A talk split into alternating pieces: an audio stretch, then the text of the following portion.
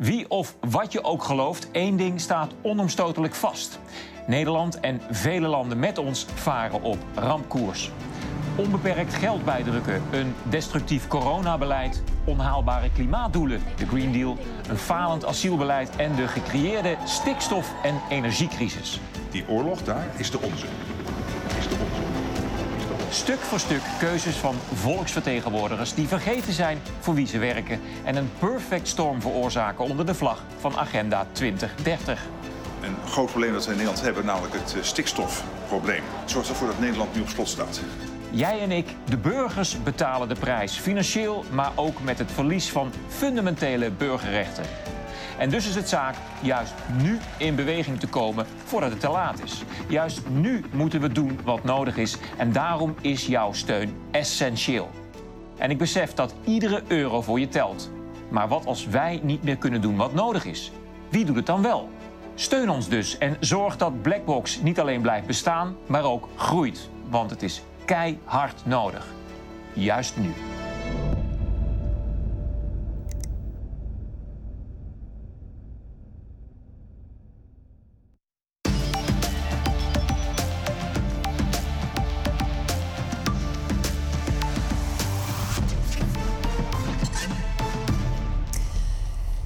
Na de mislukte poging van minister Ernst Kuipers twee weken geleden om de Eerste Kamer vervroegd bijeen te laten komen, hebben de Eerste Kamerleden zich gisteren gebogen over de wet publieke gezondheid.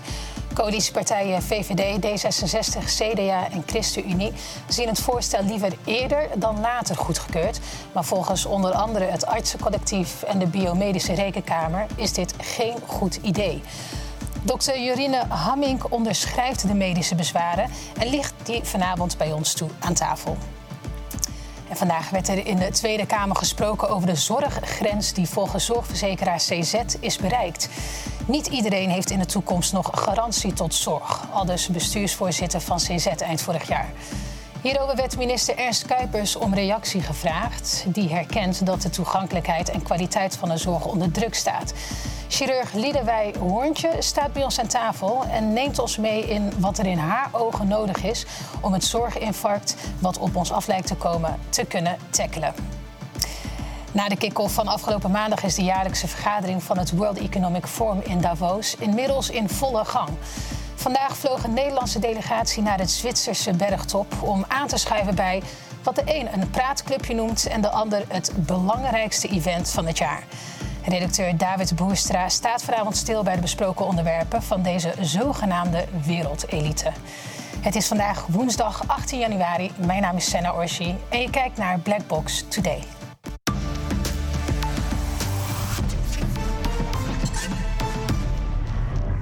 Een hele goede avond voor alle kijkers thuis. Welkom terug en welkom aan mijn panelleden. Fijn dat jullie er zijn. We beginnen met het nieuws van de dag.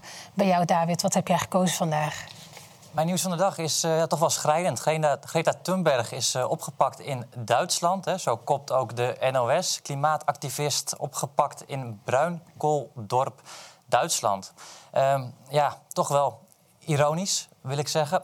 Uh, Duitsland is uh, echt veel voor de groene uh, gesubsidieerde energie. En ze hebben daar ook hun energiepakket op aangepast. Hè. Ze zijn helemaal afgestapt van kernenergie, want dat is op een of andere reden niet groen, of wordt in ieder geval niet ingezet. Met als gevolg dat nu ze ook nog eens een keer afstappen van het Russische gas, ze een tekort hebben aan energie. Hoe wordt dat nou aangevuld? Dat moet worden aangevuld in Duitsland met de meest vervuilende soort energie die er is. Dat is de bruinkool, waar nu dus tegen geageerd wordt. Klimaatactivist Greta Thunberg was daar en we zien haar hier in beeld. Ja, opgepakt worden, gewoon letterlijk en figuurlijk. Het ziet er ernstig uit. Maar we hebben ook beelden van hoe het er hier vlak voor uitzag. En leuk om even naar te kijken en dan kunnen mensen zich daarna afvragen... in hoeverre ze dit serieus moeten nemen. We gaan even kijken naar de, wat zijn dat, arrestatiebeelden ja. of van Greta Thunberg. you also want those for email?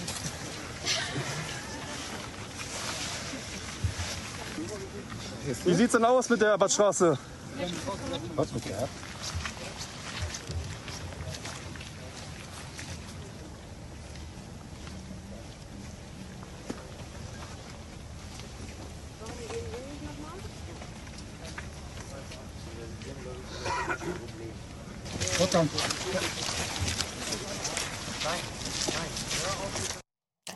David, je mag me even uitleggen waar ik nu net naar heb gekeken.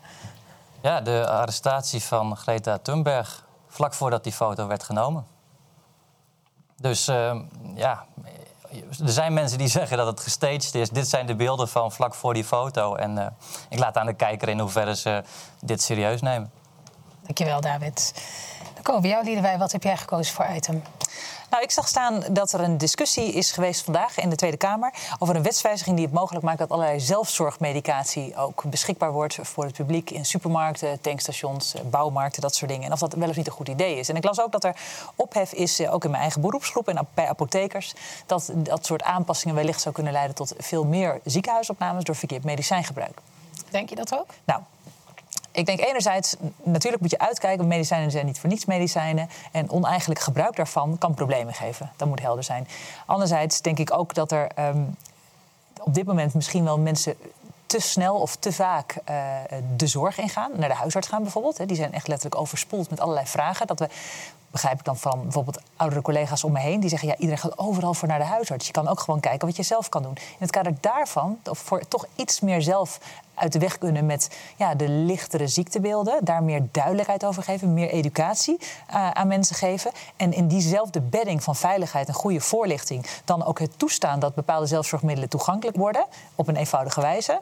Ja, dan zie ik daar wel een ruimte voor. Maar dus wel in een veilige bedding van de juiste informatie en educatie. En misschien ook wel van beschikbare telefoons of wat ook... als je daar zorgen over hebt. Ik denk niet dat het noodzakelijkerwijs alleen maar leidt tot meer ziekenhuisopname. Het zou zelfs misschien wel kunnen leiden tot een iets meer teruggang van de aanslag op de zorg. Ja, dus je bent eigenlijk een voorstander, maar wel als de juiste educatie Wel onder bepaalde voorwaarden, ja. in een veilige bedding. Duidelijk, dankjewel. En komt het tot de jou. Ja, uh, ik eindig met het grote nieuws waar ook de NOS uh, mee kopt uh, vandaag. Dat artikel 1 van de grondwet gaat worden aangepast. Artikel 1 gaat over gelijke behandeling en verbod op discriminatie. de initiatiefnemers D66, GroenLinks en PvdA uh, pleiten ervoor om hieraan toe te voegen verbod op discriminatie omwille van uh, seksuele gerichtheid en handicaps. Nou ja, op zich geen verkeerd uh, initiatief. waren het niet dat ik me afvraag in hoeverre gelijke behandeling en discriminatie op basis van medische gronden prioriteit heeft gehad de afgelopen jaren bijvoorbeeld. Dit is goed nieuws. Dit lijkt goed nieuws. Maar ja, ja, is het nodig om de grondwet daarvoor aan te passen? Was dit niet al ja, verpakt in het woord, gelijke behandeling? Ja, als we kijken naar de afgelopen twee jaren, dan zijn de discussies zo verdeeld. Ja, ja, natuurlijk. We hebben een soort van medische dictatuur gehad... Nou, waar uh, ja. op basis van medische status mensen de toegang tot het sociaal-maatschappelijk leven werd ontzegd. En artikel 1 van de grondwet die was er gewoon. Die hadden ze het kunnen toepassen hè, uh, in het voordeel van iedereen... en zonder mensen dus uit te sluiten op basis van medische gronden. Hè. Dat heet discriminatie. Maar dat werd toen terzijde geschoven. En nu gaan we er artikelen aan toevoegen om bepaalde uh, ideologieën. Uh...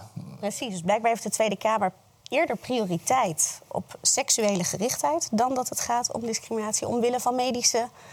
Uh, op, ja, op, gebaseerd op medische gronden. Ja, of misschien kan je het ja. ook zien als eventueel. Ja, hè, er is dus nu is hier aandacht voor. Ja. Uh, en, en, door een extra toevoeging wordt misschien de aandacht afgeleid van wat er eerder al, al is geweest. En misschien volstaat de wet wel, maar is die eigenlijk is er nog wel wat ruimte voor discussie over hoe dat dan is geweest. Dus dat er een soort evaluatie nodig mag zijn voordat je zegt we gaan de wet aanpassen. Zeker. Dankjewel, uh, Jorine, voor het aanstippen van jouw nieuws van de dag. En um, mocht je het gemist hebben, vorige week dinsdag was er een uitgebreid interview tussen Mahir Alkaya, SP Tweede Kamerlid, en Flavio Pasquino. Naar aanleiding van zijn boek Van wie wordt ons geld? Het gaat over digitaal geld. Uh, zeker de moeite waard. En daarin hebben we ook een oproep gedaan. Want we hebben hier nog een paar boeken liggen die je dus kan winnen. Uh, maar daar moet je wel iets voor doen. Laten we even kijken. The full anonymity, in our view, should be uh, ruled out. Het volledig anoniem kunnen betalen moet van de baan. Ja. Als je dat digitale geld om deze redenen gaat invoeren, dan is het een ernstige maatschappelijke zaak. De overheid kan je leven een stuk maken, kan je leven echt, echt kapot maken. Dus daarom moeten we daar heel uh, goed op letten. Leven we dan niet eigenlijk in een schijndemocratie? Heel vaak heb ik dat gevoel wel om eerlijk te zijn. Dit moeten mensen doen waar wij op kunnen stemmen. Ja, dit is dus een klein fragment. Het volledige interview is te zien op blackbox.tv. En als je dus die aflevering aan het bekijken bent, dan zit daar een, uh, een vraag in, een prijsvraag. En als je het antwoord weet op die prijsvraag, dan kun je dat mailen naar info.blackbox.tv. En dan uh, maak jij en twee anderen wellicht kans op dit boek. Dankjewel.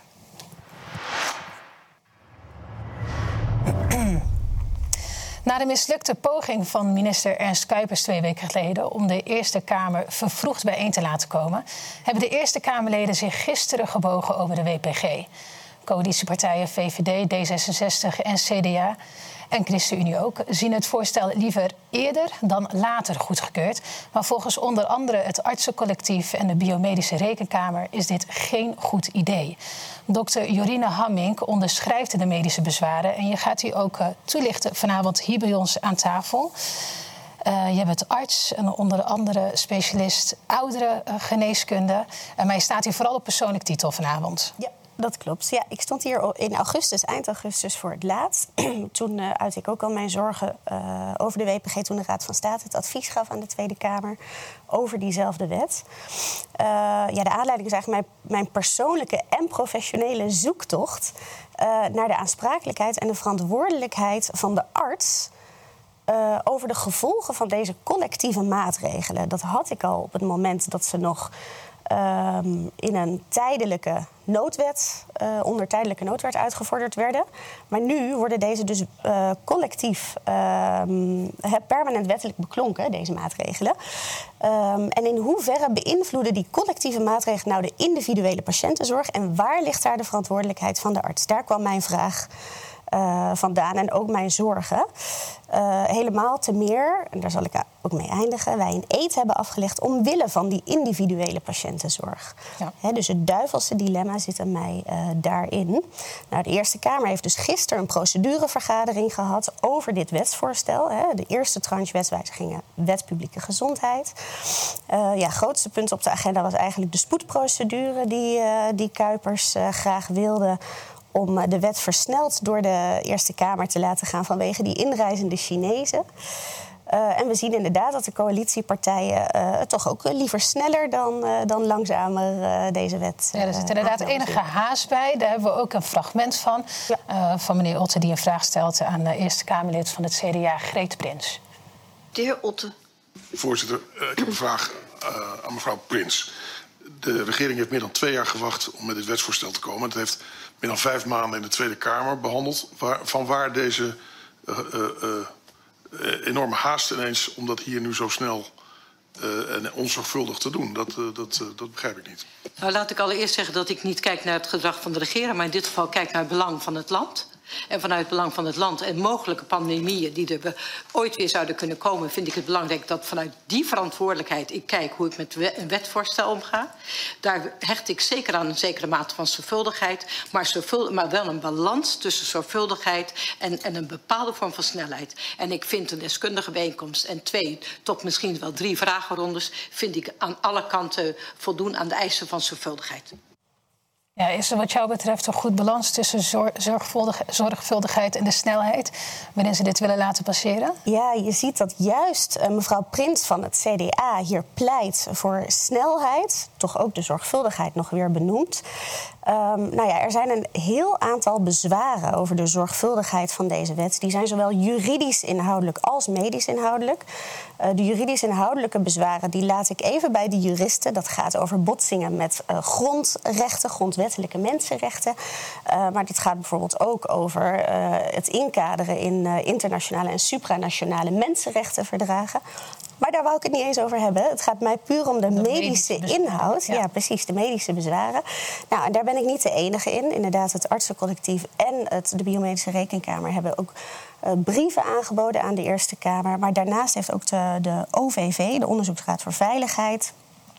Um, een uh, advies uh, aangeboden aan de Eerste Kamer waarin zij net als wij um, uh, vooral een grootschalig wetenschappelijk en breed maatschappelijke evaluatie van die afzonderlijke maatregelen en het maatregelenpakket ja.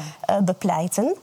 Ehm, Zeg, onderzoek nou even de effecten van deze maatregelen... Precies. alvorens je ze permanent gaat vastleggen in wet. Zeker, zeker. Ze zijn onder die tijdelijke noodwetten uitgevaardigd en eigenlijk nooit geëvalueerd. Eh, en niet alleen de Onderzoeksraad voor Veiligheid, maar dus ook het CDA zelf heeft een wetenschappelijk instituut en ook een rapport uitgebracht. eh, waarin zij eh, ook op hetzelfde aandringen. Dus dat, dat vind ik lastig te rijmen met wat mevrouw Prins nu. Die zien we nu ook in beeld. Ja. Want wat, wat stond daarin? Misschien kun je het ook even voorlezen voor de podcastluisteraars. Ja, dus nou ja, onder andere eh, dat zij het samenspel tussen macht en tegenmacht serieus genomen eh, vinden dienen te worden. Ook in crisistijd. Ehm, hè, zij zeggen dat bij bestuurders al snel een tunnelvisie zou kunnen ontstaan. Zo was er door de gemedicaliseerde blik op het coronavirus lange tijd weinig oog voor de psychosociale en economische gevolgen van het virus. Politici dienen hierin een eh, gezond tegenwicht te bieden. Het is opvallend dat het van CDA komt, want daarmee bekritise- bekritiseren ze eigenlijk hun eigen beleid. Precies. En het Waarom? spreekt ook een beetje de snelheid tegen waar ze zojuist voor. En er waren ook politici die probeerden een gezond tegenwicht te bieden. Vanuit het CDA, Mona Keizer bijvoorbeeld. Ja, precies. Ook vanuit het CDA. Die is ja. van de partij uit, of de, die, die moest toen plaatsmaken. Ja, ja. ja, en opvallend was ook dat tijdens die vergadering, eh, hè, de procedurevergadering van gisteren, werd er eigenlijk eh, bijna unaniem door de gehele commissie aangedrongen op een des, eh, meerdere deskundige oordelen over deze wet. Dus op zich neemt de Eerste Kamer haar controlerende en evaluerende taak op de regering serieus daarmee. Maar hebben zij ook iets met de bezwaren en, en de kritiek gedaan die ze hebben ontvangen? Eh, nou ja, juist de coalitiepartijen eh, pleiten dus nu voor snelheid omwille van zorgvuldigheid of boven de zorgvuldigheid. Nou, de vraag is of dat zo is. Of, of alle, eh, al deze rapporten. ehm, eh, of de regering deze kritiek heeft opgepakt. Kijk, het ANP laat hier zien dat, er, hè, dat ze het al hebben aangepakt. Nou, ik heb zo mijn twijfels. Allereerst is het niet helemaal goed omschreven. Er is onduidelijkheid om, eh, rond de effectiviteit van zware maatregelen. Ehm, bij mijn weten heeft, is er geen, ehm, eh, vanuit politiek oogpunt, geen evaluatie eh, geweest. Ja, want wordt er ook nog duidelijk wat ze dan precies hebben aangepakt? Nee, dat wordt uit dit artikel in elk geval niet duidelijk. Nee. Bovendien heb ik dus een aantal medisch-inhoudelijke bezwaren... die eh, voor, bij mijn weten ook nog niet aangepakt eh, zijn. Zo eh, zegt inhoudelijk het wetsvoorstel in artikel 20, lid 1... Ehm, het gaat over het toekennen van de A1-status aan een infectieziekte. Vooralsnog bestaat die A1-status niet, bestaat alleen de A-status. en artikel 20 lid 1 eh, schrijft hier dat bij regeling van onze minister... eh, een infectieziekte niet behorend tot groep A, B of C... dan wel een ziektebeeld met volgens de huidige stand van de wetenschap een onbekende oorzaak... waarbij een gegrond vermoeden bestaat voor besmettelijkheid of ernstig gevaar voor de volksgezondheid kan worden aangemerkt voor, eh, groep, tot groep A1. Nou, dat gebeurt dus bij ministeriële regeling. Eh, en het gebeurt gebaseerd op gegronde vermoedens. Eh, nou, dat leidt Is dat niet goed dan? Nou ja, allereerst die ministeriële regeling. Daarbij zijn wij volledig afhankelijk van het oordeelsvermogen, de intenties. eh, en, ehm, eh, de, de intenties van onze minister. Eh ten meer daar artikel 58d eh, een noodbevoegdheid toekent aan deze wet. Waardoor er bij het uitroepen van die A1-status dus geen instemming meer nodig zal zijn van het parlement.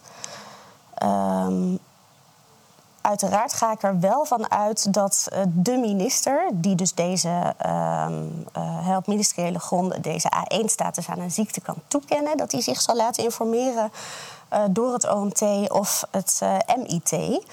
Ehm, echter, dat brengt me bij het volgende bezwaar. Ja, deze Ja. twee bezwaren die je hebt be- benoemd, waarom zijn die zo problematisch? Nou ja, allereerst, dus die ge- gegronde vermoedens. eh, daarin, eh, allereerst wordt niet omschreven welke gronden. eh, op welke gronden dan deze A1-status aan kan worden toegekend aan een infectieziekte, zoals de wet het omschrijft, met pandemisch potentieel. Ehm, hè, en ja, wat is pandemisch potentieel? Uh, hè? Uh, van tevoren weet je dus niet of een infectieziekte een pandemisch potentieel uh, zal hebben. En op welke gronden dan. Dat staat verder nergens omschreven. bovendien, vermoedens, gebaseerd op die gronden, ehm, kan de perceptie omwille van zo'n infectieziekte ook beïnvloeden. Um, hè, dus dat, dat is iets om in de gaten te houden. Ook wel iets wat we hebben gezien de afgelopen twee jaar, twee, drie jaar. En dus het uh, feit dat onze minister in zijn eentje, bij wijze van ministeriële regeling, die A1-status kan toekennen aan eender welke ziekte met pandemisch potentieel dan ook. Um, dus je hoopt dat dat gebeurt gebaseerd op goede uh, voorlichting door, het, door een OMT en een MIT, die ook een breed maatschappelijk uh, vertegenwoordiging van breed maatschappelijk draagvlak vertegenwoordigen. Echter, we hebben de afgelopen drie jaar gezien dat er nogal een eenzijdige belichting was aan het pakket van experts door wie de minister zich liet uh, voorlichten. Um, en niet alleen een eenzijdige belichting van het palet aan experts, maar toch ook wel een eenzijdige benadering, zoals deze rapporten ook, uh, ook laten zien, uh, van de bestrijding van dit virus.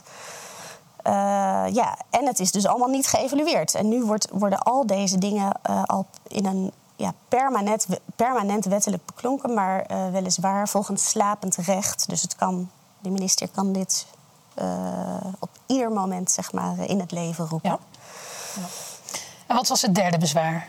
Um, even kijken. Ja, en, oh ja, een, een, uh, ja, dus het derde medisch bezwaar heeft uh, te maken met artikel 85v. Dat is het medisch beroepsgeheim, ook niet onbelangrijk. Um, artikel 85v laat zien dat uh, um, nou, onze minister, de burgemeester, dan wel de voorzitter van de veiligheidsregio en de toezichthouders zijn bevoegd tot het verwerken en onderling uitwisselen van een melding gedaan door een arts, voor zover dit noodzakelijk is voor de toezicht en de handhaving van naleving van. Nou, dan volgt er heel wat. Het komt neer op de quarantaine en de maatregelen. Kortom, artsen zijn verplicht om een melding te doen bij een A1-status, bij een A1-ziekte. Uh, en wij worden hier dus eigenlijk verplicht om ons medisch beroepsgeheim te doorbreken, om mensen aan te geven aan de handhavende instanties, wanneer zij zich niet aan die quarantaineplicht houden. Um, kijk, ja, ook daarin bestaat het risico op een glijdende schaal. Maar in hoeverre gebeurde dat dan al niet met, met infectieziektes? Ja, precies. Dus op zich is dat voor ernstige infectieziekten niet per se een bezwaar, natuurlijk, het doorbreken van het beroepsgeheim. Voor, he, omwille van publieke gezondheid. Um, alleen, uh, ja, wat ik zeg, het risico op een glijdende schaal bestaat als zo'n A1-status wordt toegekend aan een ziekte die bij nader inzien misschien toch niet zo gevaarlijk bleek. Dat kan. Dat is die glijdende schaal? Dat, is, nou, dat zou een glijdende schaal kunnen zijn, ja. ja. Of bijvoorbeeld dat wij worden aangesproken op het niet naleven van andere maatregelen die ook uh, beschreven staan. Ja. Ja. ja. de Biomedische Rekenkamer die heeft ook uh, haar zorgen en kritiek geuit. Uh, die zijn ook gisteren naar Den Haag geweest samen met collega Erwin Taams. En daar hebben ze dit verslag gemaakt. Afgelopen maandag, voorafgaand aan de procedurevergadering over de permanente coronawet, overhandigde de Biomedische Rekenkamer hun zorgenpakket over deze wet aan commissie en Kamerleden van de Eerste Kamer. Wij zijn de Biomedische Rekenkamer, zijn opgericht uh, begin vorig jaar met transparantie in het openbaar bestuur als ons ultieme doel. En wat er nu vandaag aan de orde is, uh, wordt iets bestendigd in de wet. En daar maken wij ons zorgen over. En wederom moet ik een beetje op mijn, mijn lippen bijten om, om niet te, te veel uit te wijden erover. Nou, u heeft zojuist namens een aantal Kamerleden uh, van de Eerste Kamer dit uh, in ontvangst genomen. Wat staat op het spel vandaag? Nou, er staat uh, best veel op het spel. We hebben natuurlijk vandaag de commissievergadering over de procedure voor de wet publieke gezondheid. Ja. En dat is dus eigenlijk de permanente coronawet. Ja. En naam zegt het al, de tijdelijke wetten over de coronamaatregelen die vorig jaar gelukkig zijn afgeschaft, die worden met dit wetsvoorstel gewoon permanent gemaakt. En dat zijn gewoon collectieve, vrijheidsbeperkende maatregelen die er ook in zitten, zoals het coronatoegangsbewijs. Ik weet dat u heel veel moet lezen. Uh, ik benijd u daar niet om.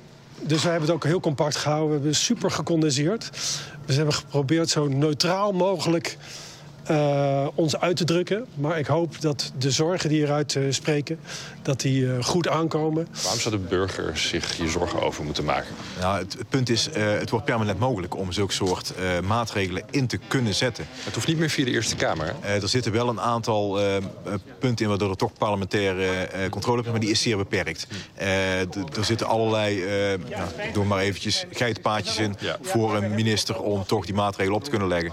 Ja. En daar uh, ja, daar, daar, zit het uh, zeker een heel groot punt van zorg in bij deze wet. En daarom is het goed dat er veel uh, kritiek en protest tegen is. Dank u wel. u brengt het zo intrigerend dat het wel uitnodigt tot lezen, moet ik zeggen. Er staat hier een aantal leden van deze commissie.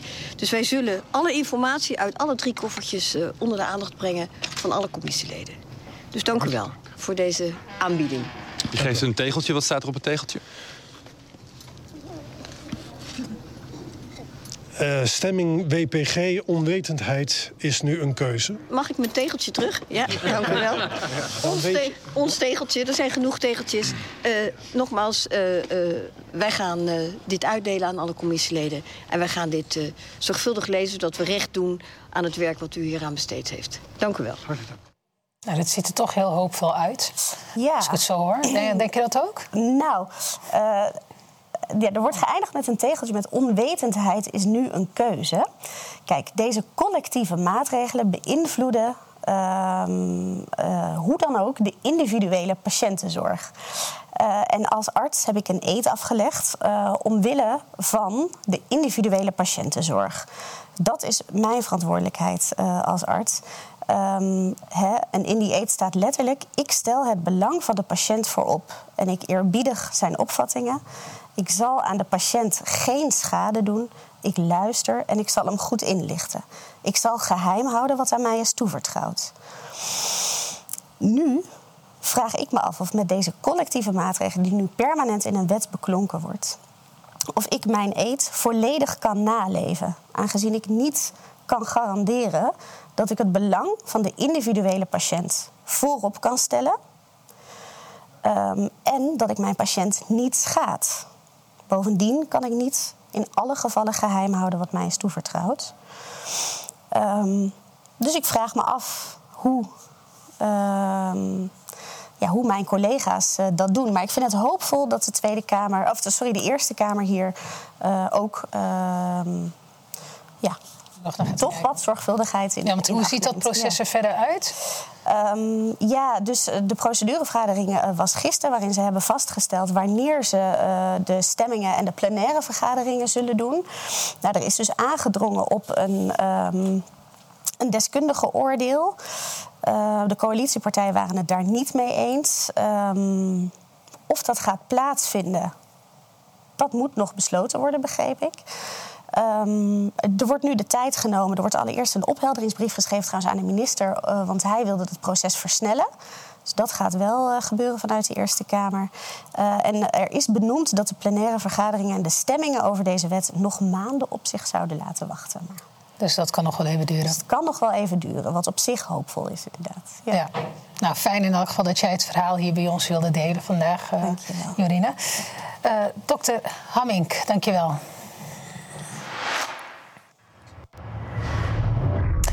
Vandaag werd er in de Tweede Kamer gesproken over de zorggrens die volgens zorgverzekeraar CZ is bereikt. Niet iedereen heeft in de toekomst nog garantie tot zorg. Al dus bestuursvoorzitter van CZ eind vorig jaar.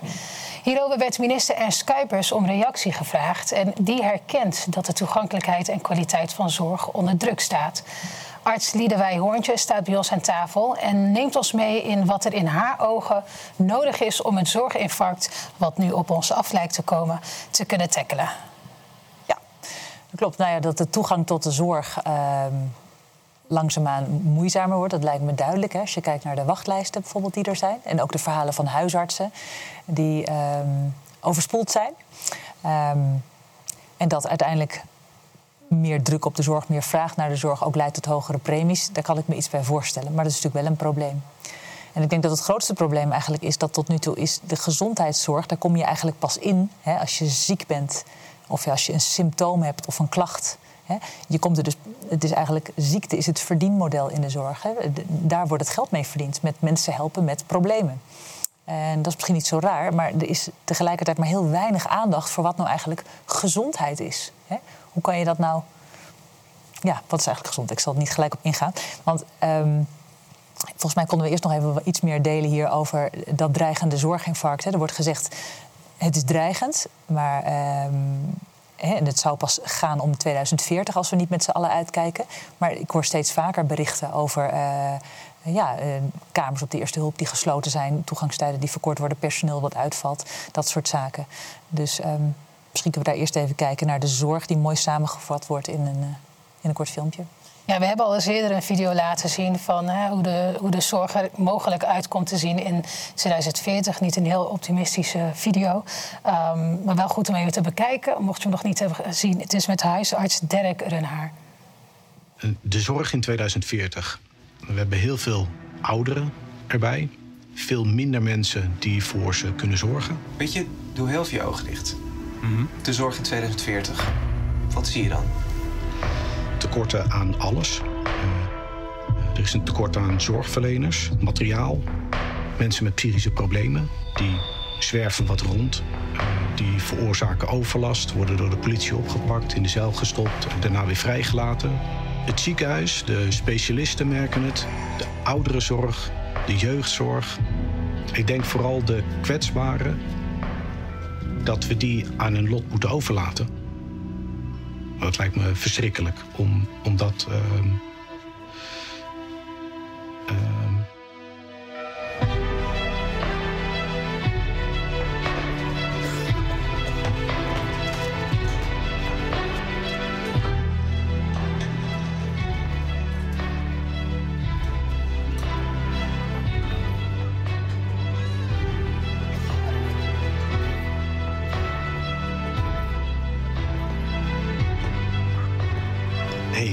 maar het is nog niet zover. We kunnen dit nog repareren, maar alleen als we nu keuzes maken. Zoals we nu bedenken wat we belangrijk vinden. We moeten het hierover gaan hebben.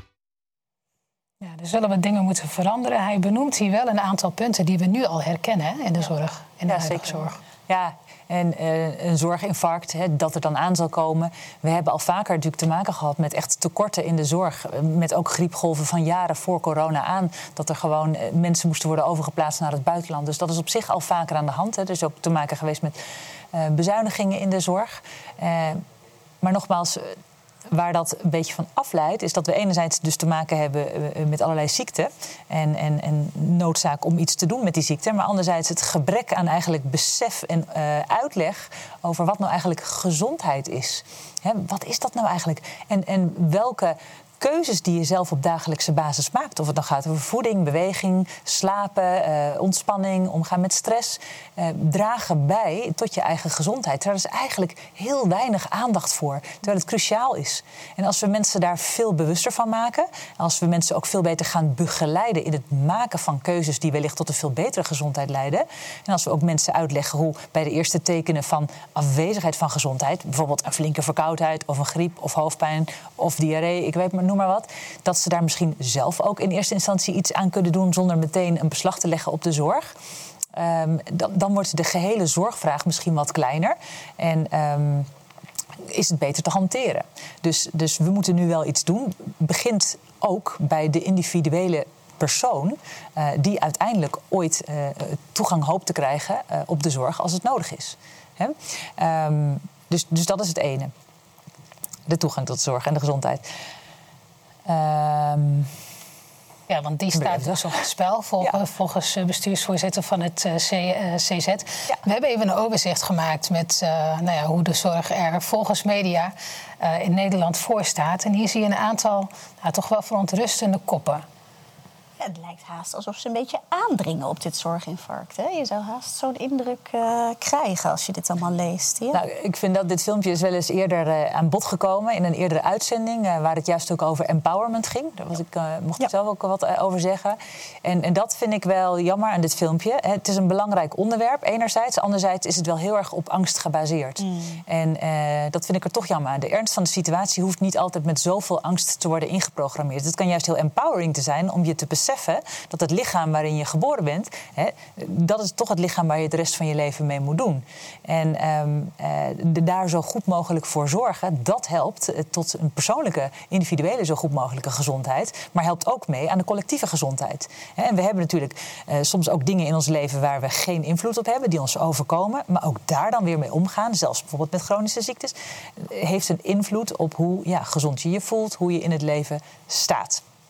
Nou, dat is dus van belang. En ik denk dus enerzijds dat we mensen veel beter mogen ondersteunen in dat soort keuzes. Maar dat je ook bijvoorbeeld kan kijken naar de huidige situatie van die wachtlijsten. Dat is ook een probleem. We hebben te maken met uitgestelde zorg vanwege corona. Ehm, maar er staan ook mensen op de wachtlijst. En soms voor dingen eh, wel maandenlang. En als ik het even een beetje bij mijn eigen vakgebied houd, toch meer de chirurgische vakken, hè, dan heb je het vaak over geplande ingrepen. Dat noemen we electief, hè, als tegenhanger van acuut. Acuut is met spoed, je been is gebroken, daar moet nu iets mee. Electief is meer, mensen hebben al jaren last van hun heup of een knie. En, en, nou, willen in aanmerking komen voor een nieuwe heup of een knie. Ehm, als je mensen die maanden op de wachtlijst staat veel beter gaat helpen voorbereiden om zo fit mogelijk een operatie in te gaan, hè, dan, eh, dan, ja, dan prepareer je ze beter, komen ze beter in de operatie en zullen ze er ook beter uitkomen. Dat is het Better In, Better Out programma. En er zijn ook hele programma's al opgestart, Fit for Surgery bijvoorbeeld, hè, waarbij mensen optimaal qua voeding, beweging, rust, ontspanning, sociale interactie worden voorbereid en zoveel korter uh, in het ziekenhuis verblijven en ook veel minder vaak complicaties hebben. En op die manier dus minder beslag leggen op de hele zorgketen. En zo ook meer ruimte maken voor andere mensen. En ik denk zeker als het gaat over meer electieve ingrepen, hè, dus voor mensen die niet per se hm, levensbedreigend ziek zijn of iets dergelijks, uh, is daar wel een opening om ook voor ziekenhuizen die enerzijds dus ja, geld verdienen door, door operaties te doen bijvoorbeeld. Uh, anderzijds dus de mensen veel beter kunnen voorbereiden. Uh, zodat uiteindelijk die mensen ook ja, met meer succes als het ware er doorheen gaan. Kan je meer mensen helpen. Het is ook veel prettiger voor iedereen, de individu, maar ook de mensen die er werken. En daar ligt wel een uitdaging. En dat heeft echt ook te maken met, met leefstijlkeuzes, voeding, beweging, uh, fitte voorbereiding, dat soort zaken. En ook de nazorg. Hoe sta jij erin als je dit zo hoort? En dan specifiek op, op jouw vlak, ouderenzorg? Ja, nou wat mij hierin opvalt is dat, um, dat er weer, de, inderdaad, wat jij ook zegt, de aandacht wordt gebracht naar uh, wat er niet goed gaat, naar ziekte. Uh, en eigenlijk komt dat heel, helemaal, net als dat dit neerkomt op mijn artseet, komt dit neer op de kern van het arts zijn. Wij leren natuurlijk ook volgens de definitie van de WHO uh, dat gezondheid afwezigheid van ziekte is. Waardoor die impliciet toch weer naar die ziekte, op die ziekte wordt gefocust. Uh, terwijl inderdaad ik het helemaal uh, eens ben met Liedewij dat alles wat je eigenlijk nu ziet, ook dit zorginfarct, misschien ook wel wat er de afgelopen drie jaar gebeurd is. Um, daarin is geen of nauwelijks aandacht geweest voor het wonder van ons lichaam. Wij zijn in staat om virussen uh, te kunnen overwinnen met ons eigen immuunsysteem. Uh, en wij zijn. Uh, en ook hier zie je dat um, zorg. eigenlijk het ondersteunen van gezondheid zou moeten zijn. Ja. En niet het behandelen reactief van ziekte. En dat gaat nu mis. Die reactiviteit lijkt nu te leiden tot overbelasting.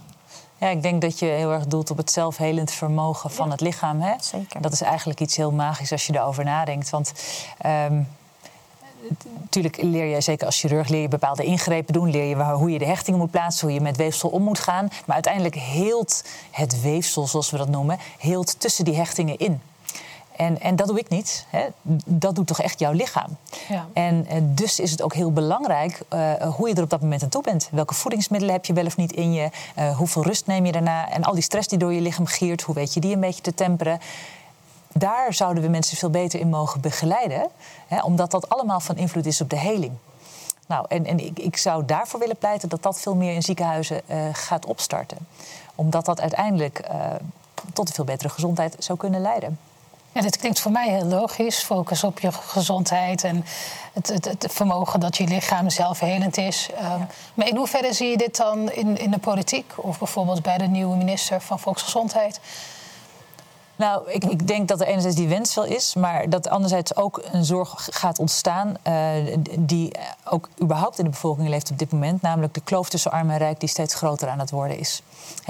Er zijn steeds meer kosten voor iedereen, bijvoorbeeld als je het hebt over energie en over de inflatie die daarbij een rol speelt. En uh, nu dreigen de zorgkosten ook nog hoger te worden, de premies zoals je net al even noemde. Wat moeten we daar nou aan doen? Um, daar moeten we wel iets voor verzinnen. Want juist de mensen die het moeilijker hebben, dan kan je wel zeggen van oké, dit is gezond eten, dat niet. Hè. Minder bewerkt voedsel, meer verse producten. Die zijn duurder. En ik denk dat de overheid daar dus ook een rol in kan spelen. Behalve in goede educatie. Toch ook een, een wat sturende rol te spelen. Als je het hebt bijvoorbeeld over suikertax.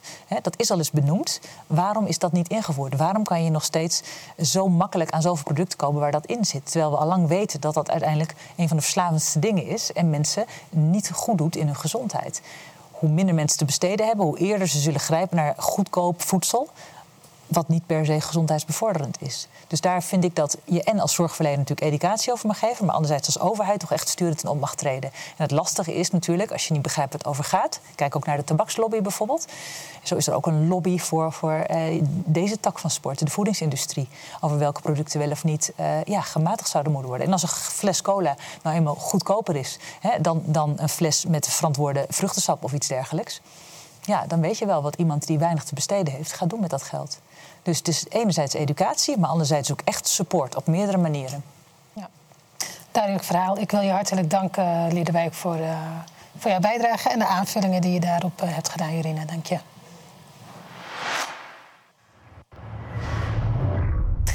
Na de kick-off van afgelopen maandag is de jaarlijkse vergadering van het World Economic Forum in Davos inmiddels in volle gang. Vandaag vloog een Nederlandse delegatie naar het Zwitserse bergtop om aan te schuiven bij wat de een een praatclubje noemt en de ander het belangrijkste event van het jaar. Redacteur David Boerstra staat vanavond stil bij de besproken onderwerpen van deze ja, zogenaamde wereldelite. Ja, ja, dat spreekt echt tot de verbeelding. Hè. De afgelopen dagen zien we het ook volop terugkomen in het nieuws. En er leek ook wel een mediacampagne uh, actief te zijn om de invloed van het World Economic Forum een beetje te downplayen, te bagatelliseren. Um, maar inmiddels uh, hebben we ook een kijkje kunnen nemen achter de schermen. Hè. Wat gebeurt er nou? Wie zijn die sprekers en wat vertellen ze daar? En maandag hebben we er nog niet de gelegenheid voor gehad. Maar laten we eerst even kijken naar de intro van uh, de bijeenkomst in Davos. En dan natuurlijk als eerst uh, professor Klaus Schwab. Ja, laten we even gaan kijken naar een fragment.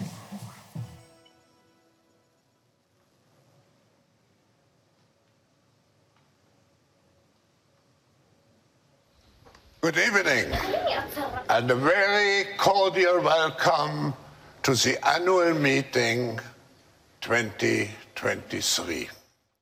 We couldn't meet at a more challenging time. We are confronted with so many crises simultaneously. What does it need to master the future?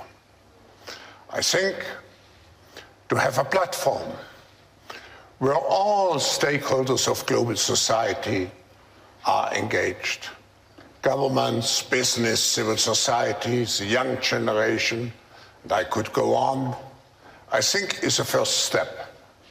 Davos has become the de facto platform for governments, for corporates, for philanthropists, for activism, for protesters to mobilize quickly, which is why we're all here. Ja, dat is een stevige aftrap. Ja, en ik liet het ook even zien, uh, zodat de kijker zelf een oordeel kan vellen van, nou, in hoeverre zouden ze daar nou invloed hebben en wat zeggen ze zelf over die invloed? Hè? En als je deze twee heren hoort, die hebben toch wel de indruk dat ze daar veel invloed teweeg kunnen brengen. Het is het platform om veranderingen teweeg te brengen, waar regeringsfunctionarissen samenkomen met het bedrijfsleven, maar ook activisten en filantropen. Dat is dé plek waar dit uh, allemaal plaatsvindt. En daarom denk... Maar wat doet Idris uh, Elba daar? Hij heeft, acteur, uh, heeft een, een, een prijs uh, gewonnen daar en mag dan ook de gelegenheid openen. Maar is inderdaad een, een acteur. World, een prijs op World Economic... Ja, ja, hij nam een, een prijs in ontvangst. En hij is een acteur, maar goed, ik vond die man voor hem ook bijna een acteur. En ja, af en toe denk je echt van, leven we nou in een film? Zijn dit nou echt gewoon de, de personages die in deze wereld het voor het zeggen hebben? Nou, uh, dat kun je dus afvragen. Zij denken dat ze in ieder geval een hele grote invloed hebben. Rutte was uh, afgelopen maandag daar nog niet. Hij zat zelf eerst in het vliegtuig naar Washington, had daar een gesprek met Biden, de Amerikaanse president. En dan lezen we ook in de Volkskrant dat uh, nou ja, Rutte toch een ontspannen uh, gesprek had. Het was een ontspannen sfeer. En uh, in dat gesprek zei hij ook toe dat Nederland deel gaat nemen in de Patriot-missie. De Patriot-raketten, dat is een luchtafweersysteem, heel geavanceerd, ook erg kostbaar. Daar hebben we in 2007 al eens een discussie over gehad of we die aan Turkije moesten leveren vanwege het conflict dat daar toen heerste. Turkije is wel een NAVO-land, Oekraïne is dat absoluut niet. Hè. Laat dat duidelijk zijn. Maar eh, nu is toch toegezegd dat we samen met Duitsland en Amerika gaan regelen dat Oekraïne die raketten krijgen, dat ze dat luchtafweersysteem daar krijgen. En dat is heel interessant, want eh, je ziet dat we toch steeds meer die oorlog in worden getrokken. via Vlissingen waren er uh, afgelopen woensdag al 1275 uh, panzervoertuigen van een Amerikaanse divisie, een brigade, die ook naar het Oostblok reden. Dus via Nederland, nu via Nederland Patriot-raketten in Oekraïne. Nou, die moeten ook bediend worden. Wie gaat dat doen? Daar heb je geavanceerde apparatuur voor nodig, maar ook opgeleid personeel. Dus de vraag of wij dan Nederlandse militairen daar neer gaan zetten. Uh, dus dat bedoel ik met die glijdende schaal richting een actieve deelname aan die oorlog. En om dan weer terug te komen in Davos, uh, Ursula von der Leyen uh, was daar ook. Inmiddels uh, is trouwens Mark Rutte daar ook aangekomen samen met uh, Kaag en nog andere bewindspersonen. Maar Ursula von der Leyen noemde daar Oekraïne ook specifiek. En naast de Oekraïne, maar daar kom ik zo nog op, mRNA-vaccins. Maar laten we eerst even kijken wat ze daar daadwerkelijk zei. Twee belangrijke onderwerpen. We gaan even kijken naar een fragment van de president van de Europese Commissie, Ursula von der Leyen. Ukraine wants to become a member of the European Union. And it is a perfect opportunity to take investment and reform to pave this way for Ukraine towards the European Union. Another example is um, the topic of vaccines. We learned our lesson in the pandemic that it is not sustainable if vaccines have to be donated. The African continent, our African friends, want the technology, rightly so. And therefore, the mRNA technology has been brought two different countries. There, with private partners, Global Gateway is building up, together with our African friends, manufacturing capacities for vaccines in order to give the opportunity and have the next time that we have the need for vaccines, the technology on the African country, uh, continent, vaccines, vaccines manufactured in Africa for Africa, and all the possibilities that are in this new revolutionary mRNA technology. Waarom horen we eigenlijk zo weinig over Ursula von der Leyen? Toch wel een, een, belangrijke rol die ze op zich neemt, president van de Europese uh, Commissie. Ja. Maar ja, als bijvoorbeeld Mark Rutte ergens staat, dan wordt daar lang en breed over gesproken. Maar Ursula von der Leyen zien we heel weinig voorbij komen. Ja, maar vanuit Amerika, als zij naar Europa kijken, die hebben misschien niet altijd even goed door hoe dat werkt met die landen en wie is er nou de baas. Dan denken ze wel echt dat Ursula von der Leyen toch wel een, goede vinger in de pap heeft. Um, maar eerst begon ze over Oekraïne. Hè. Uh, van Mark Rutte ging ik naar Ursula von der Leyen in Davos... omdat Mark Rutte Patriot-raketten levert voor Oekraïne... of in ieder geval meedoet aan die missie. En Ursula zegt dan doodleuk op haar beurt daar in Davos... Oekraïne moet bij de Europese Unie komen hebben we uh, vorig jaar al uitgebreid bij stilgestaan dat dat niet zomaar kan. Maar als je het dan wil hebben over de invloed van dit soort mensen, ja, ze spreekt gewoon die wens uit. En ze is zo'n beetje de machtigste vrouw van Europa. Ja, als zij dat wil, dan kan dat zomaar gebeuren. Um, en wat ze dan ook benoemt, is ook echt heel interessant, is dat zij oproept om um, publieke organisaties uh, hierop in te laten spelen. Maar daarnaast ook private. Dus zij nodigt private bedrijven uit om aan die wederopbouw van Oekraïne te doen. De oorlog is nog niet afgelopen, maar zij denkt al aan de wederopbouw. En um, dat is op zich niet erg. Want uh, meerdere partijen doen dat. Neem bijvoorbeeld BlackRock, het grootste investeringsfonds van de wereld. die geld verdient aan de oorlog daar. Maar ook dacht van waarschijnlijk van ja, als bloed door de straten loopt, dan moet je kopen. Hè. Dat is een, een, een beursgezegde. Nou, BlackRock die doet dat. Die heeft samen met Zelensky al afspraken gemaakt over de wederopbouw van Oekraïne. En Ursula von der Leyen in Davos roept ook andere bedrijven op om dus daar in te springen en dan nu blijkbaar uh, ja, je slag te slaan. Ik weet het niet. Maar uh, het zijn haar woorden. En het andere wat ze noemde, ja, dat vind ik ook heel belangrijk. Uh, ze is nog niet uh, uitgekeken op mRNA-vaccins. En ze onderhoudt natuurlijk zelf ook goede banden met uh, de topmannen van bijvoorbeeld Pfizer. Dat is interessant. En hoe gek is het dat ze dan ook over Marokko heeft? Want dat, dat valt toch buiten haar gebied? Over? Marokko? Ja, zij zegt Afrika moet ook de beschikking, beschikking, kunnen krijgen over vaccins. En ja, daarvoor waren ze eigenlijk overgeleverd aan de westerse wereld die ze kon betalen. En wat er overbleef mocht dan naar uh, Afrika toe. Dat was ook echt in mijn ogen immoreel. Ik vind sowieso wat van vaccins natuurlijk. Maar de afspraak was... Die vaccins zijn ontwikkeld met publiek geld. Wij hebben daar met z'n allen als belastingbetaler voor betaald... zodat het ontwikkeld kon worden... En vervolgens was de afspraak met die fabrikanten: van als je ze dan maakt en verspreidt, dan moeten ze ook wereldwijd beschikbaar worden. En wij zijn in Europa gaan boosteren. Hier in Nederland hebben heel veel mensen drie prikken in hun arm gestoken. Maar in Afrika zijn er heel veel die er geen hebben. En nou dacht Ursula van der Leyen van hey, laten we ze dan ook aan Afrika uh, leveren. Dan worden ze daar geproduceerd. En ze dacht ook echt dat ze daarop zitten te wachten in Afrika. Ja, daar, daar, daar wou ik inderdaad in, op inhaken als arts. Want ik vind op zich het prachtig dat je zegt van... hé, hey, misschien hebben de landen uh, die het minder goed hebben dan wij... Hè, bijvoorbeeld in Afrika, uh, krijgen die dingen niet... die wij wel vanzelfsprekend vinden. Hè, en misschien moet dat anders. Nou, dat vind ik op zich mooi. Maar als ik dan denk over dit voorbeeld van vaccins, zeker als je kijkt in het licht van corona, hadden de mensen in Afrika ook net zoveel last van corona? Of was dat daar eigenlijk niet zo'n groot probleem? Gaan daar niet heel veel meer mensen dood door heel eenvoudige dingen, ja. zoals honger? Er is niet eens schoon drinkwater in een heel groot deel van die hele landen. andere zorg. En, en volgens mij is dat een stuk goedkoper, ook nog weer te realiseren, dan dat we weer nieuwe fabrieken gaan bouwen om nieuwe mRNA-vaccins uh, te creëren voor wie weet een ziekte die daar misschien opnieuw niet eens zo'n heel groot probleem is. Dus ik vind het prachtig als je zegt: wij hebben het hier goed. We moeten ook wat doen voor mensen die het minder hebben. Ben ik absoluut voor.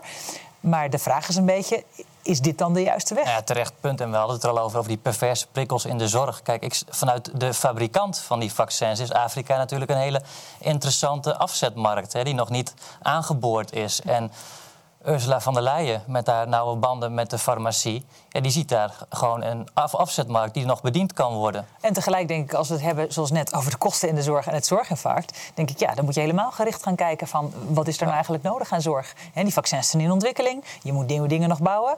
Jeetje, misschien zijn heel veel mensen daar wel gewoon gebaat... met gezond drinkwater, voeding en misschien de eerste basisbehoeftes. Ja, ja. En, en, weer dus die ja, soort van reactie hè, van als er weer een pandemie of iets dergelijks komt, hè, dan gaan we het zus en zo doen met die gateway manier, hè, dat we iedereen kunnen bedienen. Maar weer geen beroep op de eigen verantwoordelijkheid hè, en gezondheid zoals jij dat graag zou zien. Ja. Dus uh, dat is wel weer typisch. Nou, dan hebben we Ursula van der Leyen gehad, uh, waarbij ze dus benadrukt dat uh, die publieke, private partnerschappen, hè, PPP wordt dat dan genoemd. En um, dat zien we ook terug bij John Kerry. Dat is een Amerikaanse speciaal klimaatgezant, wordt dat dan genoemd. Die is ook afgereisd naar Davos. Heel opmerkelijk fragment wil ik daarover laten zien. Um, en ja, het gaat dan eerst over filantropie. Hè, zo omschrijft het WEF het. Hè, dat is uh, weldoenerij, uh, liefdadigheid zou je het bijna kunnen noemen. En ik denk dan van, nou, dan is het in ieder geval niet op geld belust. Hè. Dan gaat het niet om geld, maar dan wil je echt gewoon intrinsiek iets betekenen voor de wereld.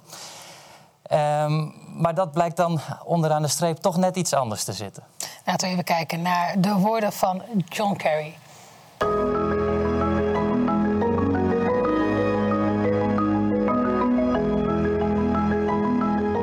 We have not yet lost. There's still a possibility of achieving 1.5. We make the decisions that are available to us.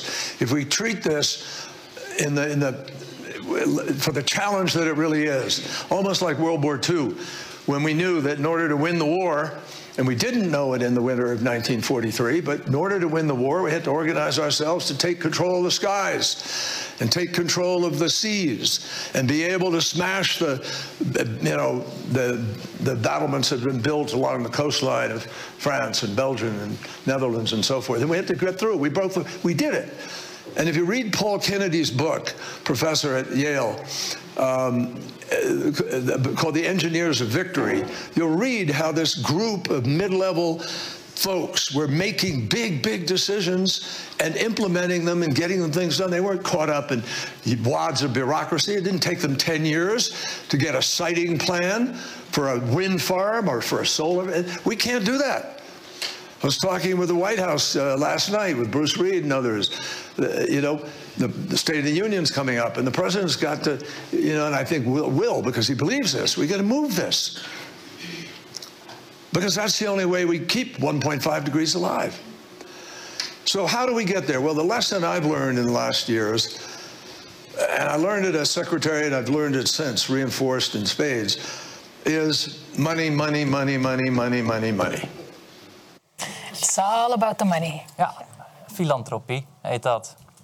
Dus uh, ja, je kunt je echt afvragen van waar doen ze het nou voor? En het deed me ook weer denken aan het uh, filmpje dat we lieten zien met dat zorginfarct. Hè. Er wordt een heel ernstig scenario geschetst. Dat is uh, hier dan de 2030-tijdlijn of 2050 hè, en die anderhalve graad. En er is nog wel een kans, maar dan moeten we nu handelen. En wat hij dan noemt, is echt heel interessant. Hij trekt de vergelijking met de Tweede Wereldoorlog. Nou, als wij dat doen, dan uh, ben je al snel fout bezig. Maar goed, hier kan het. Rutte deed het trouwens ook gisteren. Maar goed, dat laat ik even voor wat het is.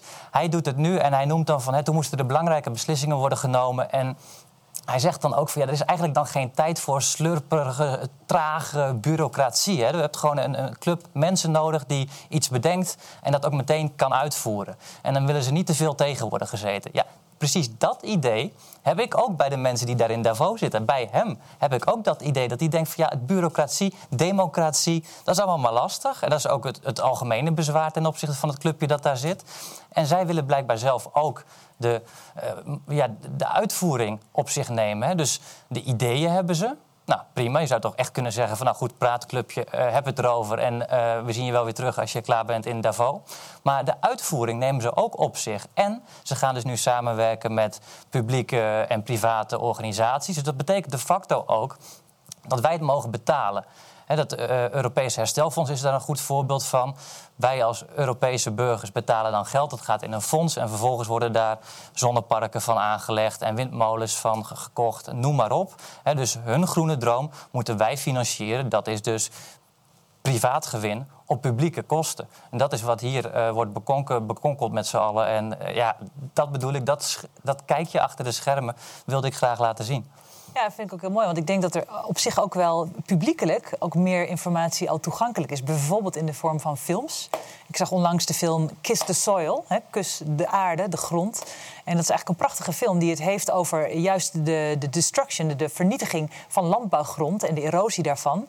En wat de impact daarvan is op het klimaat. En met name de CO2-uitstoot. Want wat blijkt, als je die, die aarde steeds omploegt en alle wortels eruit haalt, dan verlies je daarmee zo'n heel groot uh, ja, microbioom, wat eigenlijk rond die wortels van die plantjes zit. En die houden, die zijn in staat om heel veel CO2 te clusteren.